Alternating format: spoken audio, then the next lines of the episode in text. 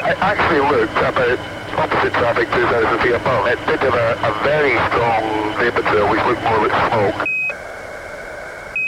And the light on the front was very, very bright. And Lufthansa 405, how far off to your side did that traffic pass? It was pretty close, and uh, like the speedbird said, it was looked like two or three thousand feet above on the left wing, just one mile. Looked like a UFO.